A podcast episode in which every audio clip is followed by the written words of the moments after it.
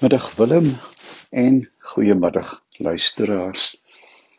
Ek moet eintlik sê goeiemôre want ek praat uit die voordag. Die son het nog nie opgekom nie. En ek staan oor by nuutgevonde vriende hier in die hart van die Kamiesberge.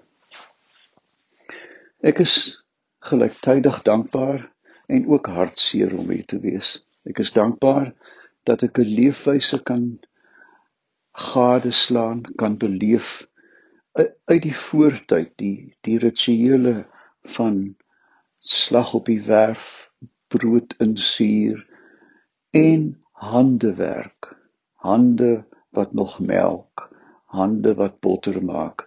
Dit is 'n dis my ontsaglike voorreg om hier te wees.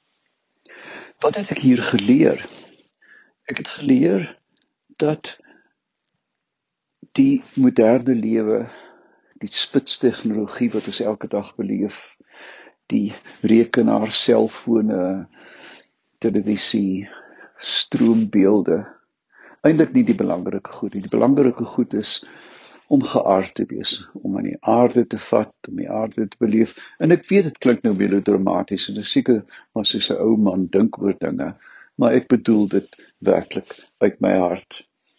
En toe ek nou die afgelope paar dae so deur die veld stap en Boesman kersse pluk en kyk na na goggaatjies en voels en die pragtige plante groei. Dit is baie droog hier, maar tog, jy weet, tussen al die droogte blom die kokerbome en as jy kyk, sit daar 'n Jan groentjie.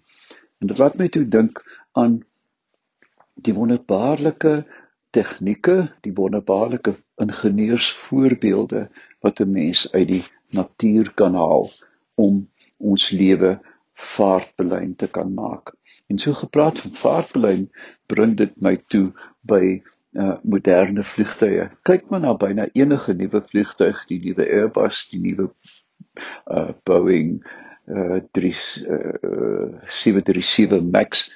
Almal van hulle het 'n vreemde klein vlekkie aan die punt van die vlerk. Nou ja, jy weet ek is nou nie 'n uh, fisikus nie en ek maar ek verstaan die beginsels van vlieg, jy weet lug beweeg oor 'n vlerk.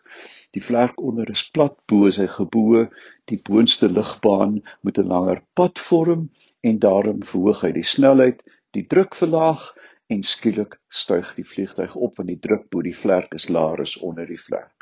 Want dan het ons die groot probleem van lugweerstand en sleur. Jy weet, aan die punt van die vlek is daar 'n kegelvormige vortex, 'n warrelwind na agter en dit hou die vliegtuig terug. En toe begin die ingenieurs kyk na ons arende en ons valke met die pragtige vingeragtige vlerke aan die eind op die aan die punt van die vlerk. En toe hulle die uh vlekpunt wat effens opbuig begin of die veer altans begin um verplaas na 'n vliegtuigvlerk skielik vind jy dat jy 5 tot 7% brandstof kan kan spaar want die klein vlerkpuntjie daai kleintjie hef die warrel op en so verminder dit die lugweerstand van die vliegtuig en kan die ding baie meer ekonomies vlieg. En ons weet natuurlik dat vliegtye so interessant genoeg. Dra omtrent in die orde van 3% by van die aardgasse wat ons klimaat so opvoeder. Nou ja, dit klink nie baie nie, maar dit gaan toenemend 'n faktor wees in lugbesoedeling en veral ten opsigte van elektriese motors wat nou skielik die die mark betree verlede jaar was daar byvoorbeeld 'n 40% toename in die verkope van elektriese en hibriedmotors en oor 10 jaar gaan 'n dieselmotor en 'n binnebrand engine 'n rariteit wees. Ons gaan hardloop en sê daar loop 'n engine. Nou ja, 'n pragtige les uit die natuur. 'n Tweede ding wat my wat my byval terwyl ek nou so dink aan hierdie onderwerp, het jy al ooit 'n waterlelie uh se blaar gevat en dan met die hand 'n bietjie water geskep en 'n paar druppels daarop laat val. Soos diamante hardloop hulle los en rond oor die blaar. Nou ja, die eerste gedagte wat 'n mens dan natuurlik kry, ah, die laagie is vetterig. Tot 'n groep Duitse ingenieurs hierdie blaaroppervlak onder 'n elektronmikroskoop afgetas het.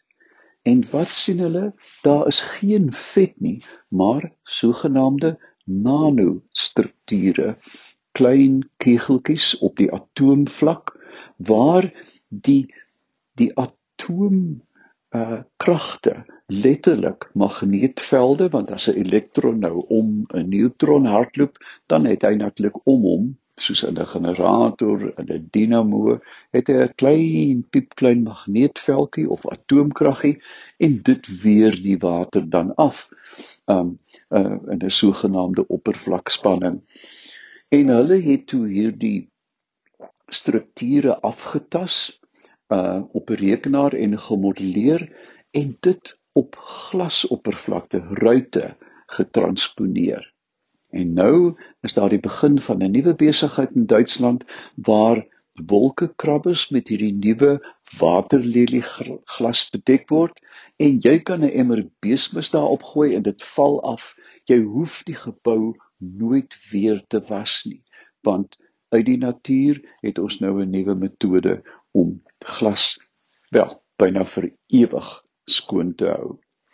Dan dink 'n mens natuurlik aan die bekende velcro, die klitsgras wat in jou sokkie vassit.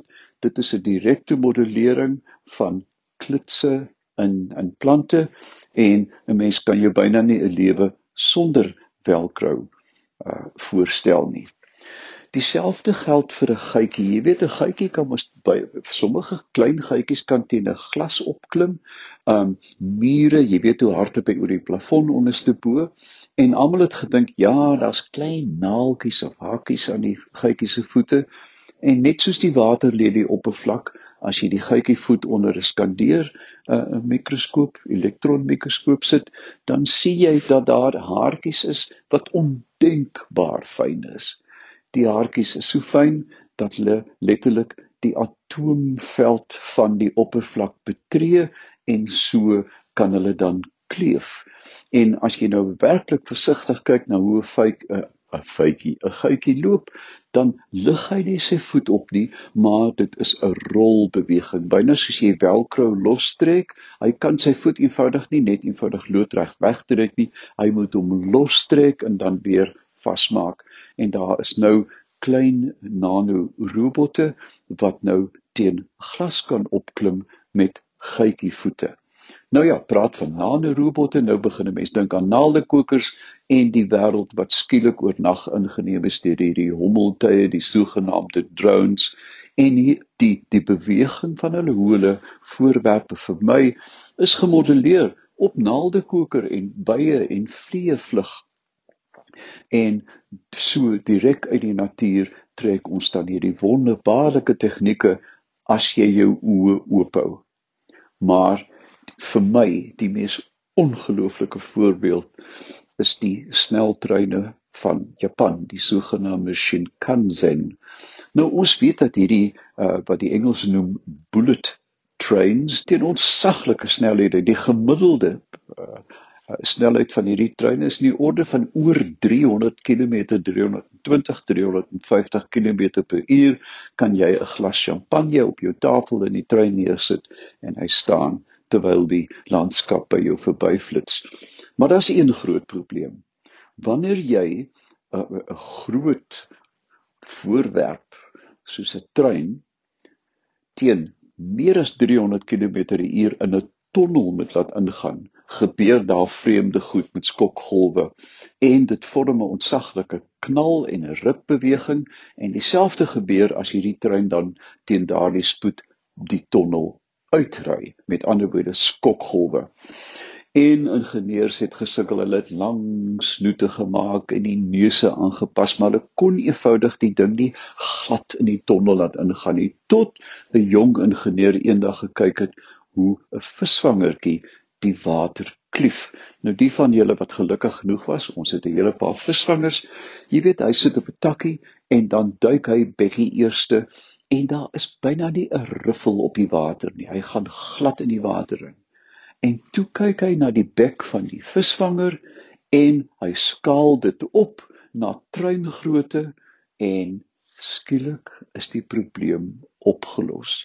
Die Shinkansen se neusontwerp is gemodelleer op die bek van 'n gewone visvanger. En so luisteraars, dink ek daar is duisende, indien nie tienduisende wenke en en ontwerp voorbeelde in die natuur wat wag om gevind te word.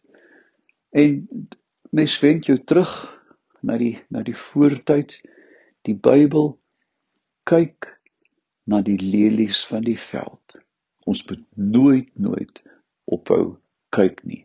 Volgende week is ek terug in 'n koue nat Stellenbosch en dan gesels ons weer uit my studeerkamer. Tot dan.